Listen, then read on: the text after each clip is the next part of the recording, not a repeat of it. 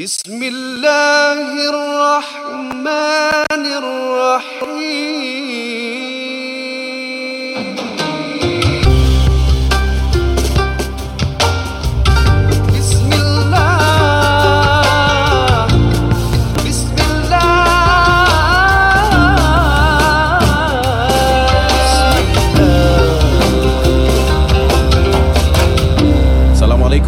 Semua yang sedang menonton di rumah ataupun di mana juga anda berada. Terima kasih kerana bersama kami dalam uh, secara langsung NJU Live yang mana kita akan berkongsi uh, soalan-soalan agama daripada para penonton dan juga para pendengar menerusi Clubhouse pun ada. Eh, Dan uh, saudara, podcast ini dibawakan khas untuk anda oleh Madrasah Percuma Nur Insan. Ayo sama-sama kita menyokong dalam kempen sebulan Ramadan ini. Kami ingin uh, mengundang anda untuk uh, berusaha menyokong dalam usaha murni Nur Insan dalam mengajar anak-anak didik uh, kita dalam uh, pengajian agama. Ayo sama-sama menerusi nju.sg garis miring donate. Semoga Allah SWT memberkati anda dalam bulan Ramadan yang penuh mulia dan barakah ini. Bersama kami di sini sudah tentunya ramai ya. Kita ada tiga, lima orang. Uh, saya Din Rahim, Zai Ismail dan juga Raja Razi. Saya rasa semua dah kenal lah. Alhamdulillah. Dan juga yang baru saja menonton kami dari Malaysia. Uh, contohnya kita bersama Ustazah uh, Kalthum dan Ya. juga Ustaz uh, Muhammad Nuzhan juga bersama kami akan menjawab soalan-soalan anda sebentar saja nanti. And now it's on to the show. Terima kasih.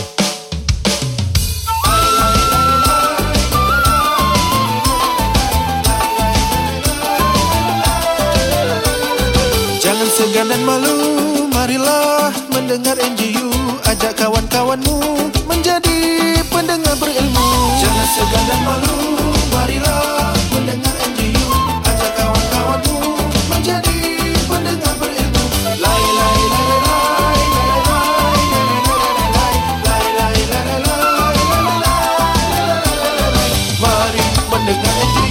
Assalamualaikum semua apa khabar? Kami nak ucapkan terima kasih atas um, perbelanjaan anda semua Mhm. uh, menerusi kurma ajwa kami uh, yang mana telah pun mencecah lebih daripada 4000 kotak penjualan dan kita ada masih ada lagi baki 800 kotak. Kita dah tak nak stock up lagi dah.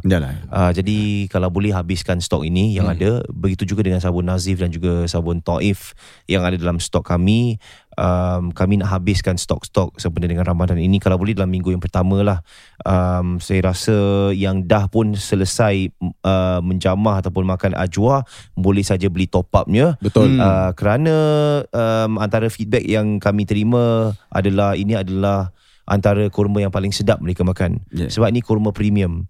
Uh, kurmanya dia rasa kenyal, dia tak stick together dan bila anda gigit dia ada that texture, dia tak muak bila makan dan senang untuk dihadam. Dia boleh makan lebih daripada satu. In fact kalau you makan tiga you tak rasa muak langsung. Betul. And uh, kalau kita cakap makan tujuh sehari dapat uh, protect against sihir dan seumpamanya, Hmm. ini adalah antara kurma yang senang untuk kita telan tujuh biji sehari. Ya. Uh, you can try that if ada kurma, saya dah cuba su- susah. Actually aku try Ya. bro Terus terang uh, Setiap sahur Saya makan tujuh Setiap nak buka pun Aku makan tujuh Oh 14 eh. Seriously bro And, and mula-mula Saya memang tak berapa minat kurma lah hmm. Tapi tahun ni Saya mempunyai azam Untuk makan kurma Sebab tu aku rasa Badan aku kebal uh, Tak boleh dihasut syaitan No.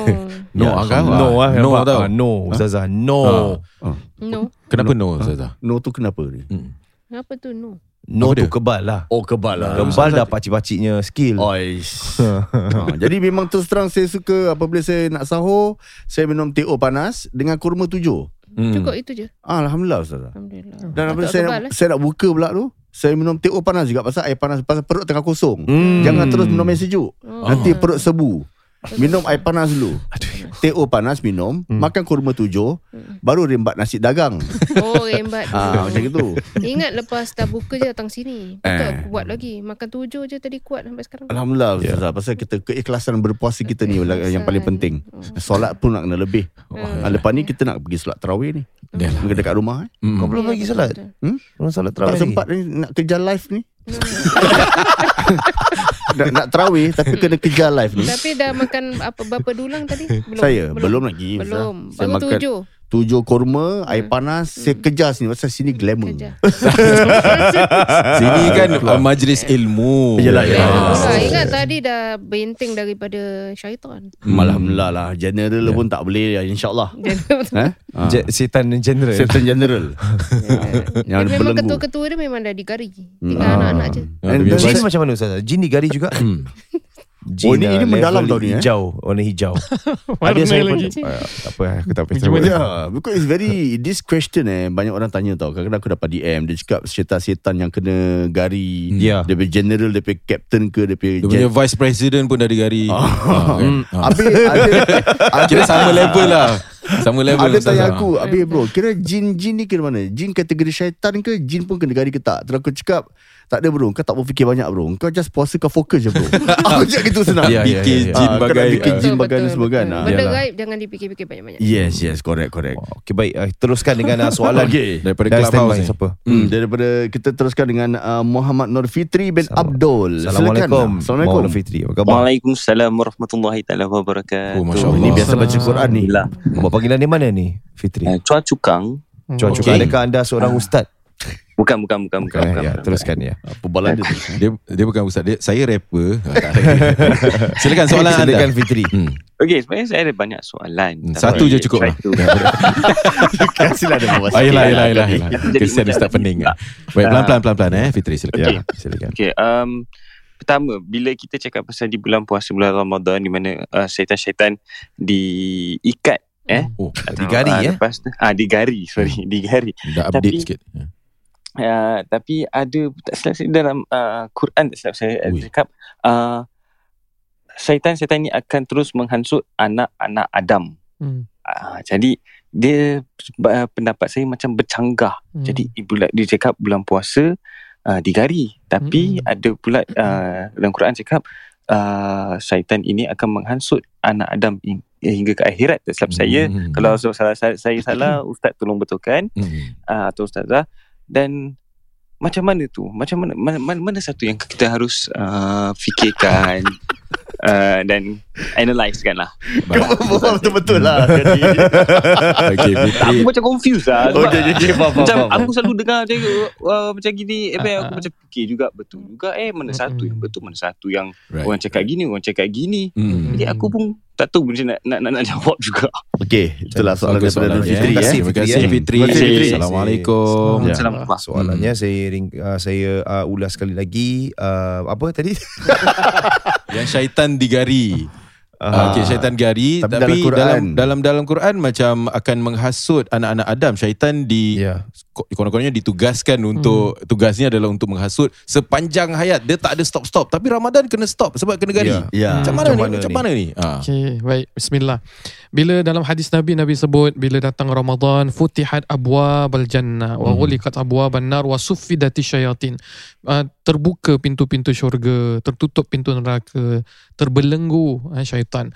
Maknanya di sini, ulama bincangkan sama ada dia literally digari, sama ada terbuka pintu syurga tu literally, ataupun itu satu gambaran bahawa Allah nak mencurahkan rahmat yang besar, yang banyak, sehingga kan hasutan syaitan yang ada pada diri kita tidak mudah ditembusi oleh syaitan tersebut. Hmm. Jadi hasutannya tu lemah untuk uh, seorang yang sedang berpuasa benar-benar menghayati puasanya akan terjerumus dengan hasutannya. Itu satu Ya. tafsiran. Ya. Tafsiran kedua yang selalu kita faham adalah yang digari, yang dibelenggu adalah merupakan syaitan-syaitan yang iblis khususnya yang memang Allah SWT laknati sumpah eh, antara uh, orang panggil general ataupun yang besar-besarnya tetapi bukan bermakna semua kalangan jin kerana jin ini ada yang jauh dari rahmat Allah yang kufur dengan Allah Hmm. dinamakan syaitan juga Ya. dicipta daripada api minal jinnati wan nas Yes. allazi waswisu fi sudurin nas kan Hmm. semua al khannas ni semua tetapi adakah semuanya digari tidak ada sebahagian yang besar menghormati Ramadan Hmm. seperti pengagungan pada Ramadan Allah Subhanahu taala uh, menggari. Jadi tidak ada percanggahan. Percanggahan berlaku bila kita cuba memahami ayat tersebut uh, dengan tanpa holistik dan kedua Mhm. kalaupun kita rasakan bahawa dalam al-Quran Allah kata tugas syaitan itu adalah untuk uh, menyesatkan manusia tak jadi masalah kalau Ramadan dia break sekejap Pasal Ya. Allah tak Ah. sebut Ramadan pun mereka jalan terus Tidak Ya. Allah kata memang tugasnya adalah meng- Menghasut dan menyesatkan manusia Tapi Allah tak sebut Dalam Ramadan Luar Ramadan Berterusan tugas tersebut Jadi tiada percanggahan Mhm. Tapi Masya saya Allah. rasa pencegahan dia macam gini Ustaz. Hmm. Ya. Bila dia sebut uh, sudah digari tapi nampak macam banyak yang masih buat maksiat. Ah. So so syaitan mana yang bekerja ni? Nafsu. Boleh saya uh, saya ternampak video saya inginkan pengesahan Hmm. uh, kesahihan.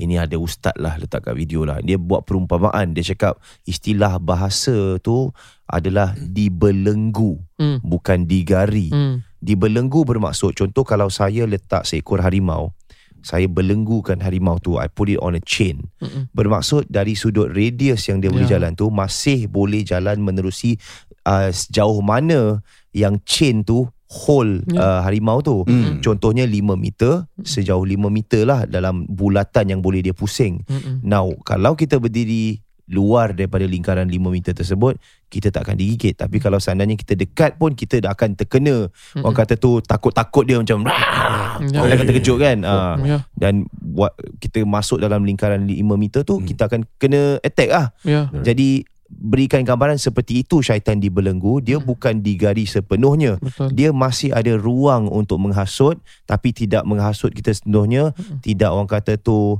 uh, cuba untuk all out lah Mm. tapi maybe dia punya strength reduce Ya. Lemah lah betul ke tak betul Ya itu tafsiran pertama tadi tapi Hmm. dari sudut bahasa Hmm. apa Zar tekankan lagi. Maknanya uh, implikasi atau kesan yang dia boleh berikan Hmm. kepada kita tu berkurangan Ya. kerana belenggu tersebut. Tapi yang Ustazah tadi maksudkan Ustazah teruskan maksud yang Ya. dia bukan bercanggah Quran tapi bercanggah dengan amal maksiat yang Ah, orang masih jadi buat lagi. Silakan. itu ada ada soalan yang macam gini timbul. Orang Hmm. jadi bingung. ya Nak cakap uh, kalau dah dibelenggu ke ataupun kalau Zah cakap macam gitu pun ya still ada orang boleh question. Mhm. Kan uh, ramai ni. Uh, maknanya ramai yang di di di dalam 5 meter tu. I kan? see Ah, ya macam ramai, mana? ya Ramai tu. Ah, macam Hmm. mana ni? Jadi macam uh, Din cakap tu nafsu. Macam se- selama ni kita dah buat. Dalam 11 bulan kita dah buat. Mm-mm. So satu bulan tu tidak dapat membantu kita kan Hmm. uh, untuk kekal baik. Jadi dalam dalam puasa sendiri pun kadang-kadang ada orang terkeluaring juga atau buat Ya. benda-benda yang tidak sepatutnya. So balik kepada diri kita, benda Hmm. tersebut tu ada selalu saya akan ingatkan benda-benda gaib ni kita jangan berbesar-besarkan lah eh. Uh, pasal kita pun tak tahu bagaimana Faham. caranya. Cuma sebaik mungkin tu kita ingatkan satu sama lain, buat banyak ibadah, uh, tinggalkan banyak benda-benda yang tidak baik. Termasuk kita punya kumpu, uh, uh, apa apa yang kita lakukan pada hari ini pun Mhm. mengingatkan orang balik kepada uh, benda-benda yang baik tinggalkan sed- sed- sedaya upaya untuk benda-benda yang tidak baik eh Ya. uh, jadi uh, lagipun kita nak ihyakan Ramadan kan Hmm. uh, Ramadan tu satu benda yang uh, tak se- uh, tak secara langsung semula jadi kita akan terdorong kepada benda-benda yang baik tau Ya. Hmm. Ah itulah kelebihan dia. Hmm. Kalau kita nak cakap eh ber- berkat dia tu. Hmm. Baik-baik orang tak buat. Kadang-kadang ada orang dia tak solat tak apa tau. Mhm. Zah, tapi dia puasa.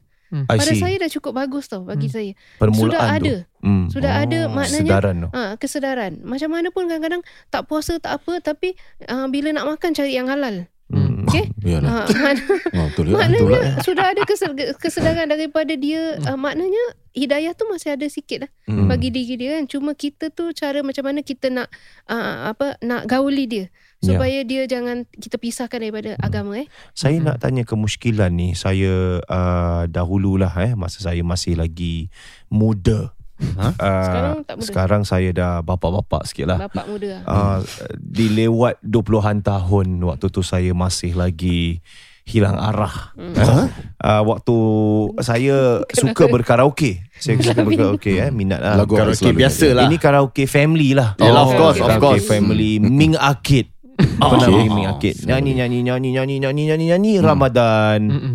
Ramadan lepas tu nak pergi karaoke Hmm. Kawan-kawan saya cakap Kan Ramadan Mm-mm. Okey. Habis lama ni Mm-mm. Jadi apa pendapat Ustaz-Ustazah tentang karaoke Memandangkan 19 hari bulan April nanti Karaoke akan dibuka Oh ya. Yes. eh, Dan kita dah pun boleh Kenapa karaoke dia suka sangat? Salah ataupun tidak Kita boleh berkaraoke pada bulan Ramadan Menyanyikan lagu-lagu mungkin Lagu Raihan ke Mm-mm. Lagu ST12 Tapi kadang-kadang dekat karaoke tu tak ada lagu Raihan. Ada lagu Linkin Park saja. Hmm. Jadi tak ada tak, tak ada tak ada pilihan sebenarnya Ustaz. Pilihlah slam gerimis merindu Eh apa Ah, mengundang. Ah, mengundang. Gerimis Oh, ya. mengundang. Lagu slam ah, nak kena tanya saya.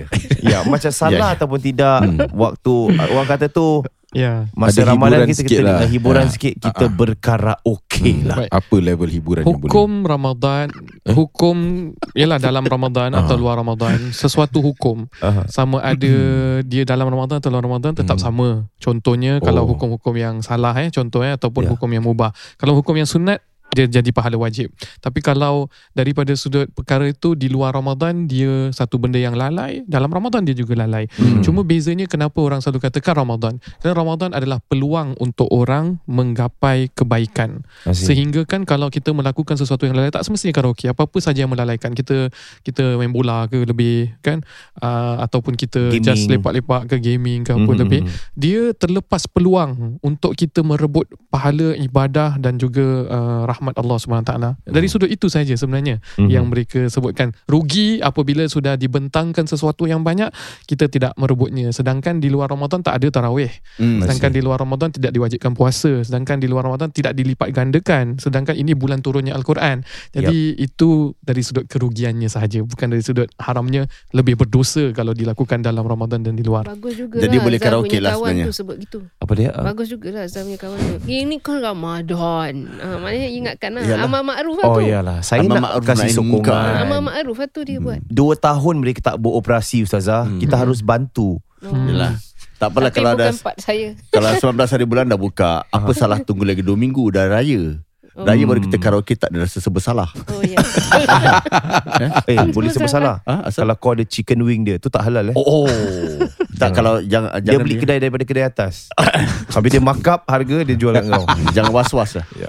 Apa soalan Eh, tapi tapi sama juga. Oh, nak okeylah lain Oh, dulu. tak apa, apa, ada sama juga tadi macam pasal Ramadan ni pasal solat pula. Sebab Hmm. solat ada yang mengatakan macam yalah bukan ada memang mengatakan yang solat ni menahan daripada melakukan maksiat dan sebagainya. Hmm. Tapi ada orang solat ada juga buat maksiat. Ada orang buat maksiat, ada juga dia solat. baik Macam mana tu? Okey, macam um, adakah dia menegah dari solat tu menegah dari kemaksiat Ya. ke Maaf. kemaksiatan ke macam mana? Maaf cakap ada juga teman lah. Mm-mm. Ya, katakan kepada saya yang dia pergi pangking. Okey. Okey. Balik bilik lah. Ah, balik bilik lah. Ah, ya, Itulah saya istilahnya ya. lah. Istilahnya lah. begitulah. Hmm, no Hokkien. Eh. Hmm. Hmm. Jadi apa yang mereka lakukan saya pun tak nak tahu. Aha. Tapi bila masuk waktu sembahyang mereka sembahyang dalam pangking. Dalam biliknya lah. Dalam bilik lah. Oh, sembahyang asar. Oh. Ah, Jadi macam mana tu? Adakah uh, bagaimana keadaan solat? Macam mana Ustaz? pendapat lah mungkin Pendapat. pendapat, sahaja. Adakah Ustaz-Ustazah terkejut dengan kebobro- uh, kebobrokan keadaan Saya- orang ini? Ah, betul pasal dia dia related eh Din Hmm, punya hmm. soalan dengan eh, Sama, pasal solat kan Ya. Jadi inna salata tanha anil fahsya wal munkar. munkar. Dalam al-Quran Allah sebut sembahyang mencegah daripada fahsya. Fahsya tu memang jelas-jelasnya kalau Fahsya. cakap kalau kita cakap pasal dosa Hmm. memang konteks huraian ayat Quran fawahish fahisha memang buruk. apa kongkek apa tadi pangking kalau Pangking. mana pula saya keluar. Astagfirullahalazim. Ya. Saya tak tupak Ah, Ya, ya. pangking tu dalam bahasa Hokkien tu pangking Balik tapi bilik maknanya adalah bilik. Oh Ah, okey. ya, jadi bilik, jadi, ya. jadi Oh, fahsyak bilik. tu adalah Hmm. sexual punya perkara eh. Maaf ni live eh. Ya, ya. Tapi macam mana tadi ustaz nak kena tak Tak payah. apa, tak apa, tak kisah. Tak sengaja. Ah, pasal jima, jima. Jima. Ya, ya, Eh, bukan ya. jima, sorry, zina. Zina. Ya, zina, Zina. ya, ya, betul betul Oh, betul. itu maksud dia Ah, Ya. zina. Tak tak pangking bukan pangking bukan. Ah, Pangking bukan Bukan Pangking. tu bilik. Ah, bilik. Ah, yang ustaz cakap tadi tu zina. Itu fahsyak. Itu Ah. fahsyak. Fahsyak. Ah, memang khusus dosa-dosa dalam al-Quran memang apabila Allah sebut uh, apa innahu fahishatan wa sa'a sabila kan Ah. la taqrabuz zina innahu fahisha wa sa'a sabila Ah. kalau perkataan fahsyak memang kategorinya adalah Laknat, uh, eh? apa uh, berzina Oh, bukan, oh, zina. adalah zina adalah kong eh tadi eh salah tadi eh Hmm, ya. tahu semua yang saya ketawa-ketawa yang lain semua cameraman ni Saya- saya cuba Ya. fokus. Saya je Terkejut tak eh, tahu istilah tu Ustaz Ustaz tahu tak, terkejut tak tak? dapat nak terkejut eh Ya, ya. ya. saya pasal dah dengar pang Ustaz, tadi ustaz bercampur-campur juga. Okey, Ah. okey. Jadi jawab pada tu, uh, dia dekat dalam bilik dia macam tu eh. Masya Allah. Berapa dia bayar tu? Selalu berapa jam aja kan? Mana sempat kan? Ah. Ya. Okay. Ataupun gini, bila dia dah semayang, apa yang boleh buat dia uh, melakukan maksiat? Hmm. Bila dia dah puasa, kenapa masih ada pembaziran dalam dunia Islam? Syaitan dah belenggu. Uh, mungkin orang lagi banyak pergi masjid. Tapi pembaziran, consumerism naik kan dan sebagainya. Di sini penghayatan kepada amalan tersebut tu penting. Sembahyang yang dihayati, saya kasih contoh, fawailul lil musallin, celaka bagi orang yang sembahyang, akan sembahyangnya dia tu lalai. Adalah orang yang sembahyang dah tahu sujud, Ya. tunduk, tapi yatim, fakir, miskin, ara'aital ladzi yukadzibu bidin, fadzalikal ladzi yad'ul yatim wa la yahuddu ala ta'amil miskin. Dia tak hirau. Bermakna sembahyangnya tidak membentuk peribadinya, Mhm. maka itu yang Allah sebut celaka dan lalai bagi orang sembahyang. I see. Dalam konteks Al-Quran, Allah sebut wal muqiminas solah. Allah sebut aqamus salah. I- apa dirikan sembahyang. Ada orang yang betul-betul dirikan sembahyang, ada orang yang melakukan sembahyang dia macam tadi fawailul lil musallin. Musallin ni dia boleh sembahyang tapi dia lalai. Dia boleh sembahyang tapi dia masih berce- apa bergelora dengan maksiat. Tak, jadi ini satu mujahadah untuk dia betul-betul mengenal diri dia istiqamah selalunya kalau dia dalam keadaan semayang bersih suci dia akan hatinya akan sukar untuk melak, apa melalu, uh, melakukan sesuatu yang dilau, uh, di, dilarang oleh Allah. Kerana hmm. dalam hadis Nabi pun Nabi sebut la yazni zani wa huwa wa huwa zani wa huwa mu'min La tidak berzina seseorang sedangkan dia dalam keadaan dia beriman pada Allah Mhm. SWT. Jadi pada that state of keadaan mungkin dia lalai dan sembahyang dia tu hanya satu kewajipan. Jadi it will happen. Oh. Ah, jadi kalau nak cakap pasal sembahyang dia diterima ke tidak, ini jatuh dalam tajuk infikakul jihad. Dua tujuan yang berbeza. Seorang dia curi makanan tapi dia sedekahkan pada orang. Uh, ataupun seseorang yang kita ambil contoh macam dia pakai baju curi, Ya. dia pakai baju curi tapi dia sembahyang. Jadi baju curi tetap haram, sembahyang tetap sah. Keadaan itu pun see. tetap sah tapi perbuatan zina dia ke apa tu kalau dia buat tu tetap haram. I see. Kita teruskan dengan uh, pendengar-pendengar kita. Silakan dengan Hmm. soalannya. Kita ada siapa ni? Piu. Pi- Piu Siapa? Piu eh. Ah, kita ada piu piu. Piu, piu, Silakan piu piu. Piu, piu. Hello, Assalamualaikum. Assalamualaikum. Selamat malam. Salam Ramadan Karim. Uh, Ramadan Karim. Hmm. Baik. Dia buat panggilan di mana ni? Kau Ustaz, Ustaz. Ah, daripada Melaka. Oh, Oh, Melaka. Alamak, Melaka. Saya rindu asam pedas lah. Hmm. Silakan. Tak boleh. Jemput datang, jemput datang. Hmm. Uh, okay. Uh, soalan saya simple je lah. Uh, dia antara uh, adab atau agama. Which one yang come first lah Ustaz? Hmm. Adakah dengan uh, dengan agama, bila kita lebih beragama, kita boleh abaikan adab sesama manusia? Mhm. Ataupun adakah bila kita hanya ada adab uh, eh means kalau kita ada ada adab kita lebih tinggi agama tu uh, boleh diabaikan lebih kurang macam itulah Hmm. Macam kira orang tu beradab tapi tak solat lah gitu. ah betul ah adakah dia, dia dia dipandang lebih mulia Hmm. uh, Oh. pada orang yang ada agama lebih tinggi macam tu lah Baik, baik. Okey, terima kasih orang Melaka. Soalannya. Kasih. Ya. Assalamualaikum. Maaf apa apa apa kata tu dia punya um, view eh. Mm-mm. Mana lebih? Berkenaan dengan mana yang lebih Oh, dapat soalan derajat exactly. lebih-lebih. Ah, mana yang lebih tinggi lah darjat eh? Hmm. Satu seorang yang Beradab, Beragama. Beragama Okey, beragama tapi tak beradab. Ah. tapi tak beradab Hmm. versus orang yang Beradab. beradab tapi tak ada tapi agama kurang, kurang- kurang, kurang sedikit agama. lah. Hmm. Macam mana ni? Siapa yang dipandang lebih mulia? Saya, saya, saya susah ni. kasih satu contoh eh. Hmm, No, ni, eh. silakan Ustazah. Saya dekat uh, satu masjid tu. Sekali Ya. saya tengah nak uh, saya dah habis ngajar lepas tu saya nak ada live lagi. Hmm. So uh, pegawai tu datang Dahsyat. terus uh, minta saya punya meja tu so saya bangun. Hmm. So terus angkat meja saya dengan kursi sekali. Saya Hmm. dia bilang ini kursi meja untuk masuk masjidnya. Uh, apa tu uh, scan ke apa, Ya, uh, ya, safety ya. ke apa kat depan tu. Trace together. Uh, uh, Trace together. Gitu. Jadi tak boleh uh, trace together. Jadi tak boleh pakai. Hmm. Padahal itu meja kursi dari tadi kita dah pakai ya, mengajar. ya. So saya rasa orang tu tak beradab walaupun dalam masjid. Saya bilang awak ni tak beradab tau. Hmm. Oh, Ustaz cakap macam itu. Oh. Ah, Wow. Dia, saya- dia saya ambil je. lah. Registrar kau saya, jangan saya, saya main-main. terus cakap dengan dengan yang jaga kelas saya pun saya bilang beritahu dengan uh, pegawai ni Hmm. uh, tak beradab cara cakap macam tu. Kalau cakap baik-baik dengan kita pun dia cakap Boleh kita terima, cakap eh? ini meja untuk sana uh, taruh di situ supaya jangan ambil. Padahal tiap-tiap minggu kita pakai meja yang sama. So saya rasa tidak sepatutnya begitu dan uh, mak- maknanya dia, dia tak cakap apa-apa dia cuma datang uh, saya nak ambil meja ni. Sedangkan saya tak tengah tengah nak buat live Ya, tu ya, ya, ya. mengajar kan. Jadi um, it, itu macam gitu walaupun kau Hmm. dekat situ tapi adab kau kau, kau, kau tak jaga Hmm. tetap uh, dipandang memang tak bagus lah.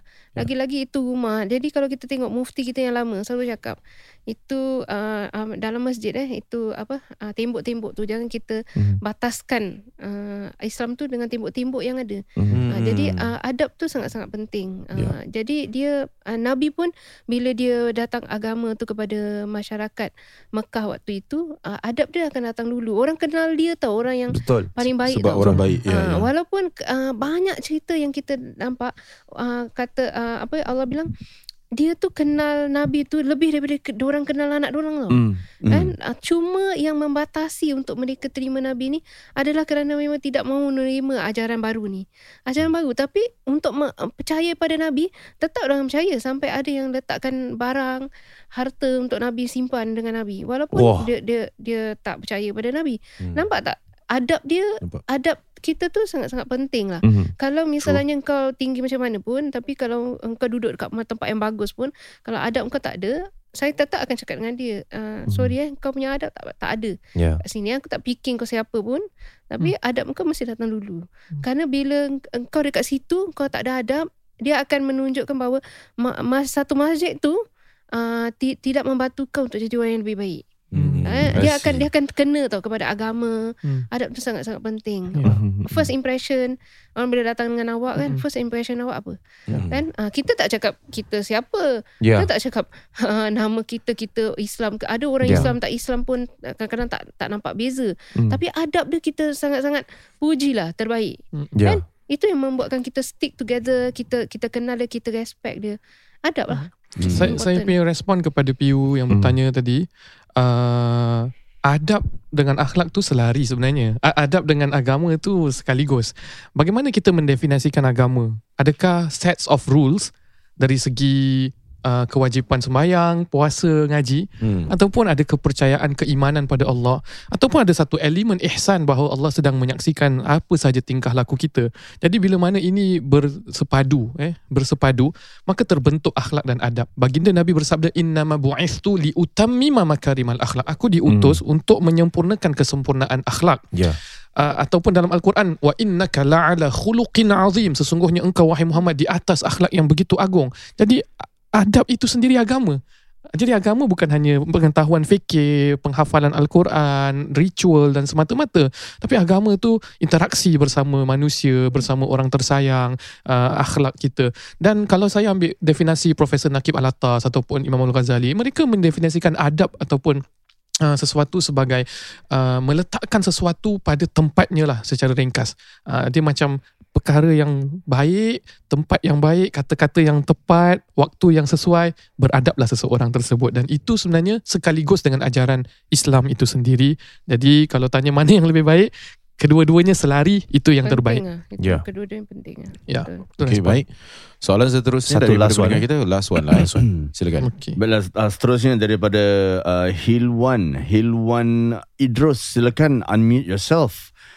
Assalamualaikum. Waalaikumsalam. Uh, Hilwan daripada mana? mana ni? Ya. Ya, Uh, daripada US. Oh, Allah. US. Eh, di kawasan mana? Tennessee ataupun apa? Arkansas. Uh, Missouri. Missouri. oh, Missouri. Missouri. Yeah. Adakah anda dalam keadaan Sen- happy ke misery? ya, baik, baik. St. Louis, Missouri. Okey, baik. Silakan dengan soalannya, Ilwan. Uh, so uh, soalan saya se- uh, sebenarnya pasal timing lah. So Hmm. timing um, uh, mengenai pasal bulan Ramadan. So dekat masalah dekat dekat US ni dia punya masjid masjidnya tak united. So macam ada masjid ada masjid will say yang Ramadan tu start 2nd April. Ah. Habis lagi satu masjid like just like maybe like 15 minutes away. They will say Ramadan start 3rd April sebab belum lagi nampak anak bulan or Lagi whatever. pening eh. Hmm. Jadi yeah, so then so me and my wife will choose to follow the masjid yang paling dekat or the, the one yang I always go solat Jumaat. Mhm. They say 2nd April. Habis same juga pasal timing ni nanti time time hari raya pun sama. Nanti dia orang cakap oh belum lagi raya oh kena kena puasa lagi satu hari. Tapi lagi satu masjid like just like nearer to me will say oh uh, puasa uh, apa raya besok. So Oh. that's that's something confusing lah. So macam right. lain-lain masjid will cel- celebrate raya Hilwan, uh, uh, nak tanya dia um, the marker for uh, the celebration ataupun the start of the Ramadan punya festivities is it determined by kiraan hisab ataupun determined by sightings? Depends on the sightings. masjid. So ada masjid will will menggunakan kiraan. Mhm. Ada masjid will follow the uh, Saudi And the- uh, yeah. Saudi punya timing. And the one you're Habis ada-? Yeah. The one that I'm following is following the Saudi punya. Okay, okay. Masjid So, paling dekat lah yeah. tu. Ha. So that's the masjid yang paling dekat. So Yeah. that's uh, something that I'm confused about. Dan uh, dan pasal timing juga pasal uh, waktu subuh dengan maghrib. Uh, ni pun sama boleh, boleh jadi gaduh.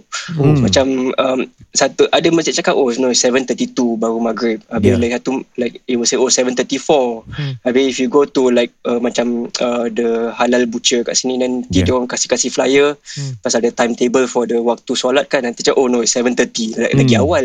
So Hmm.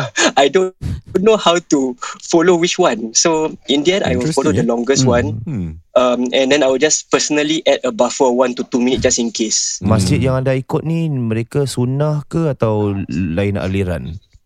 So uh, the one dekat masjid down uh, follow ni dia orang more for dia orang ikut more Saudi. So kebanyakan Arab community kat situ. I see. Okay. So uh, dia orang ikut more Saudi punya lah. More Saudi eh. Baik, terima kasih Hilwan. Ah. Terima kasih. Soalan dia. eh. Terima kasih Luan eh. Baik, terima Okey. kasih Hilwan Cuba daripada Missouri, US. Ya, US orang US. Jadi soalan dia lebih kepada pelbagai pendapat uh, di uh, mengikut kelainan masjid. Masjid Hmm. tu pendapat lain. Adakah ini pendapat mazhab yang berlainan? Mungkin ma- masjid ni adalah mazhab uh, Syafi'i contoh yang sebelah Hambali ke dan sebagainya ke Hmm. macam mana? Boleh jadi macam itu. Um, ada macam-macam faktor eh, yang Hmm. boleh menetapkan perbezaan uh, pandangan dari sudut Timing eh. timing dan Hmm. juga sudut masuknya waktu Ramadan. Hmm. Nabi Hmm, kita hmm. bersabda sumu li ru'yati wa aftiru li ru'yati. Berpuasa bila kau melihat anak bulan dan berbukalah bila ataupun ha- berhari raya lah bila kau melihat anak bulan Syawal. Hmm. Jadi daripada perbincangan ini ulama ada macam-macam. Apa al khaitul abyad min al khaitil aswad mereka lihat macam mana waktu maghrib, waktu subuh Hmm. terjadi perbezaan daripada ayat-ayat ini disebabkan bukan hanya tempat tetapi pegangan mereka terhadap seorang tu dah kena taruhlah satu orang dah nampak Ya. anak bulan lepas tu kita percayai jadi dia semua semua orang dekat negara tu ataupun dekat seluruh dunia adakah dah boleh puasa pasal dah ada orang Hmm. yang nampak Hmm. orang yang berwenang lah authority yang nampak Right. ataupun ada, ada perkiraan hisap pula Ha, memang mengikut imkaniah ru'yah ni kita tak boleh nampak anak bulan. Jadi kita kena pakai hisap, kita kena pakai uh, aturan uh, yang telah ditetapkan.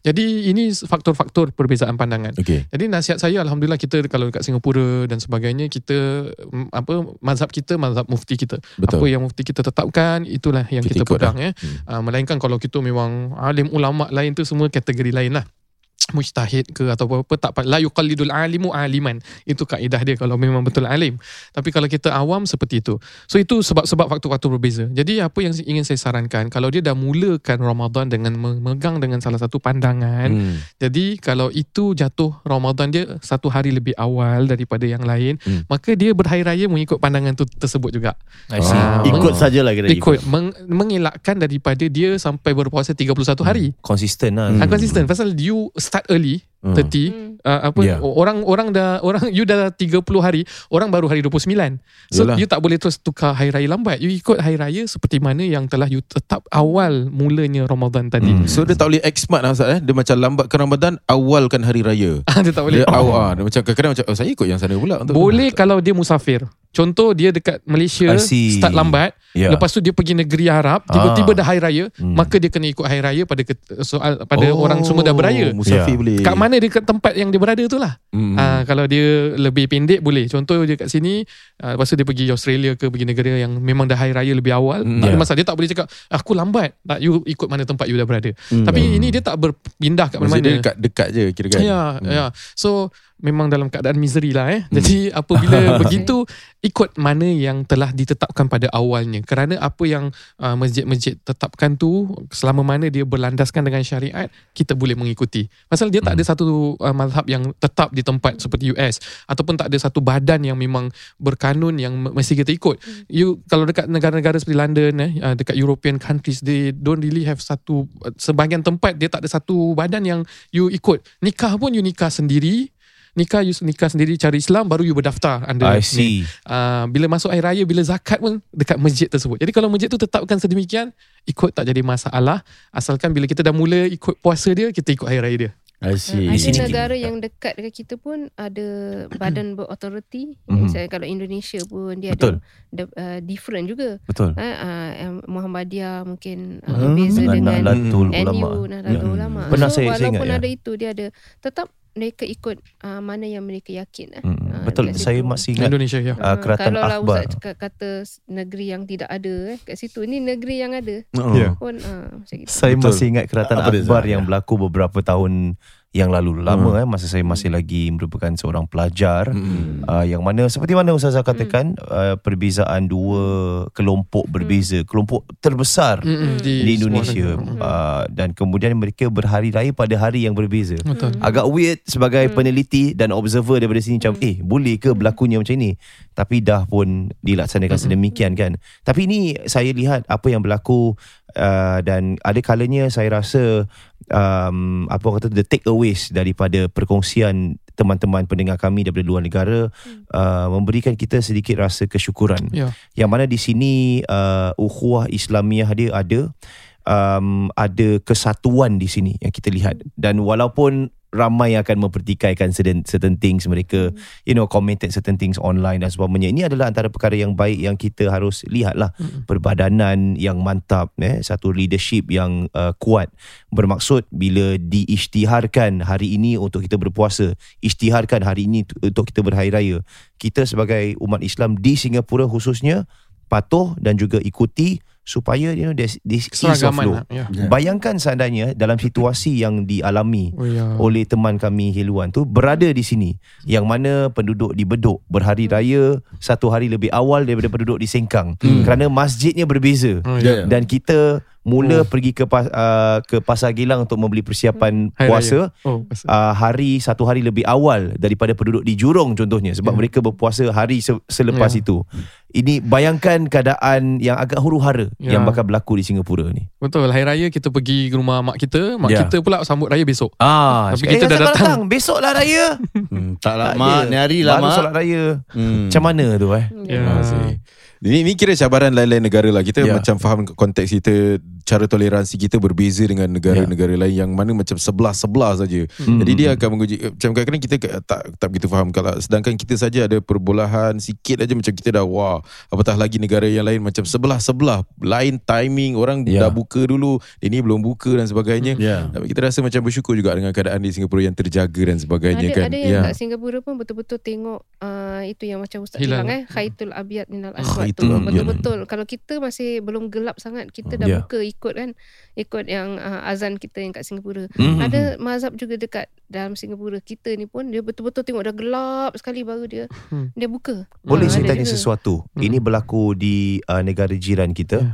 berkenaan dengan uh, Laungan. azan radio. Mm-mm. Eh, ada satu kali tu DJ tu termain azan awal Hmm. dan beberapa jemaah ramai eh yang mendengar siaran tu berbuka awal. Ya betul. Dan kemudiannya da- datangnya um, statement daripada seorang agamawan Mm-mm. mengatakan mereka yang berbuka puasa berlandaskan permainan azan di radio tersebut yang dimainkan lebih awal semuanya puasanya batal. Hmm. Puasanya tidak diterima. Hmm. Sebab sepatutnya kita harus berbuka puasa berlandaskan timing Ya. uh, untuk waktu maghrib atau terbenamnya matahari which means uh, yang piawaian untuk menentukan hal ini uh, berbuka ataupun tidak bukan radio Hmm. tapi adalah penelitian di luar daripada radio. Hmm, Ya. Macam mana pendapat? Uh, zaman Sayyidina Umar bin Khattab radhiyallahu anhu pernah Ya. seketika terjadi seperti ini. Bukan radio lah maknanya sudah masuk waktu ataupun belum mereka ada perselisihan. Hmm. akhirnya mereka berbuka kemudian datang orang orang kata eh sebenarnya baru aku nampak apa matahari tu terbenam. Hmm. tapi dah berbuka. Sayyidina Umar kata okey tak apa perkara ni biasa saja. Jadi maknanya apa? Sayyidina Umar memilih untuk mengqada. Bermakna ulama Bersifat. bersepakat apabila ada tidak yakinnya masuk waktu dan kemudian seseorang berbuka walaupun dalam 5 hingga 10 minit yang Ya. berbeza maka sahabat Nabi punya pendekatan adalah mereka tetap qada. Hmm. Jadi ini yang membawa bukan hanya saya tak tahu siapa ulama tu tetapi ini dalam fatwa wilayah persekutuan juga Hmm. menyatakan sedemikian lah kalau konteks Malaysia kalau konteks Singapura mungkin berbeza pasal kita Bermaksud betul lah apa dia cakap tu. ya Betul. Kira Wilayah. batal lah kira. Puasa batal lah. Eh. puasanya batal. Kita tak boleh cakap aku tak sengaja apa pasal penentuan waktu azan dan maghrib bukan pada radio. I penentuan see. waktu azan dan maghrib atas ilmu seseorang itu Alamak. mengetahui Huh, bahawa sayang, eh. waktu Wow. solatnya. Tapi tak apa sebab itu Hmm. Sayyidina Umar kata biasalah qada aja. Hmm. Bermakna kamu tak berdosa. Okay. Kamu tak berdosa. Nak kodok tu. Dia makan Nak puasa balik tu. Yang main Dia azan kat radio macam mana? kan? Oh. I dia, tapi ternyata salah Tapi pula. bukan aku, eh. Tapi Ya, uh, muftinya keluarkan kenyataan untuk Hmm. mereka yang sudah buat begitu untuk kadak semula. Tapi yang Ah. main azan tu macam mana? Ya, tap, itu sekali lagi eh. Yang Mazan saya rasa dia dah minta maaf. Dia taruh kat Facebook dia semua dia minta maaf. Dah kena buang dah. Eh, Kata dah. manusia kan? Ya. Manusia. Cuma kita Yelah. konteks kita kat Singapura saya tak rasa 100% mesti kita jawab sedemikian. Kerana kita kena faham mereka di sana mungkin apa azan di masjid-masjid itu Ya, ya. mungkin kedengaran, mungkin dah jadi suatu perkara biasa. Sedangkan kita Singapura mungkin memang keyakinan kita pada masuknya waktu sebahagian daripada orang eh Ya. adalah radio. Hmm. Ah itu itu yang dia punya Hmm. pegangan. Hmm. Sedangkan kalau orang yang bagi saya orang yang berpengetahuan bahawa pada waktu 7.14 masuknya waktu maghrib Hmm. dan dia tahu pada waktu ketika itu 7.10 dan dia dengar bunyi azan maka bagi saya of course batal. I see. Ah, itu kalau pandangan saya peribadi. Dia Tapi kalau dia memang tak tahu dan dia hanya berpandukan itu dengan keyakinan Ya. dan for your information saya dengar lah eh radio pun uh, I- I'm not sure mungkin mereka ada bufferkan sedikit. Oh ya, ya. Ya, bufferkan sedikit demi memberikan keyakinan pada waktu tersebut orang yang tinggal dekat apa kawasan bukit mungkin dah nampak matahari terbenam tapi Ya, orang minit- kawasan rendah kan. Ah. Ah, tapi jangan beritahu lah takut kita beritahu oh dah lepas satu minit oh bermakna turun. tidak eh. Ya, ya. Ni wallahu alam tu harus kamu kaji sendiri. Pokoknya Hmm. apabila seseorang itu dah yakin masuk waktu maghrib telah terbenamnya matahari Ya. maka dia dah boleh dah boleh makan. Hmm. Tapi kalau dia menyandarkan keyakinannya kepada radio sedangkan dia tak tahu cara yang lain, Ya. bagi saya personally dia tak tahu cara yang lain. Memang dia jahil. Kan? Nak suruh qada lagi. Oh, mungkin kita terimalah. Tapi kalau dia tak tahu dia memang tak tahu Jahil kita terima. lah. Tapi kalau dia tahu masuknya waktu maghrib bila? Bila azan maghrib dan bila terbit terbit matahari radio tu cuma bantuan saja. Maka Hmm. bagi dia batal lah. Baik, baik. Oh, Terima kasih. Tapi untuk masyarakat umum Hmm. kalau tak tahu dah tersalah tu mesti nak kena kadak lah. Betul ya, Untuk Ustazah. jalan Semoga Allah Yang maafkanlah selamat. semua eh insya-Allah. Semoga Allah maafkan DJ radio. Ya. Itu. Eh, Tapi eh. bukan saya, bukan saya. Ya. Bukan sengaja Ya, kan? Saya lambatkan lagi dia. Eh, Dulu tak- saya dulu saya DJ radio saya tak main azan. Hmm. Sebab saya adalah radio sekular. tak boleh jawab salam pun. Ah. Saya jawab Wah. tapi saya Jawab. kena marah. Hmm. Hati lah. Astaghfirullahalazim. Ya, yalah. Tapi sekarang kita dah ada podcast kita jawab salam, Ya. kita beri salam. Ah, kita baca buat- ngaji semua. Buat NJU lagi. InsyaAllah, Program eh. agama lagi. Kita punya hiasan ada ada ayat-ayat lah. Ya. Kasih Apa lah. maksud dia nak ngaji ni? Ini pendinding jadi syaitan tak masuk. Dia pun dia pun kat dinding juga. Ah, oh. Yalah. Hmm. Dia dibelenggu di dinding saja. Radius 2 meter. Tak sampai Ustazah. So, ah, satu ayat ni subhanallah, lagi satu alhamdulillah, lagi satu Allahu akbar. Akbar. Asyik, asyik, yang asyik. Ini basmalah lah eh bismillahirrahmanirrahim. Basmalah. Alhamdulillah. Baik, terima kasihlah uh, bagi mereka kasih, eh. yang uh, berhamdalah bersama kami dan jangan lupa untuk sama-sama lah kita ada peningkatan alhamdulillah dalam uh, donation uh, untuk menguruskan uh, pelajar-pelajar untuk belajar agama Madrasah Percuma dari Nur Insan Hmm. NJU.SG garis miring donate terus uh, untuk memberikan uh, bantuan dan juga sokongan dan uh, setelah pun selesai NJU live kali ini insyaallah Ya. kita akan berjumpa di minggu hadapan live InsyaAllah. juga insyaallah uh, dan saya akan bersongkok pula lah pada minggu hadapan uh, Hmm, dan uh, kita berjumpa Hari di ni lain terlupa. kesempatan habis ustazah Saya akan berjaket. Hari ni terlupa eh. ha tak ada memang terlupa sengaja sengaja dia come as you are Sokoknya masih dibelenggu lagi. ya. baik sekian saja assalamualaikum warahmatullahi wabarakatuh Waalaikumsalam. Waalaikumsalam.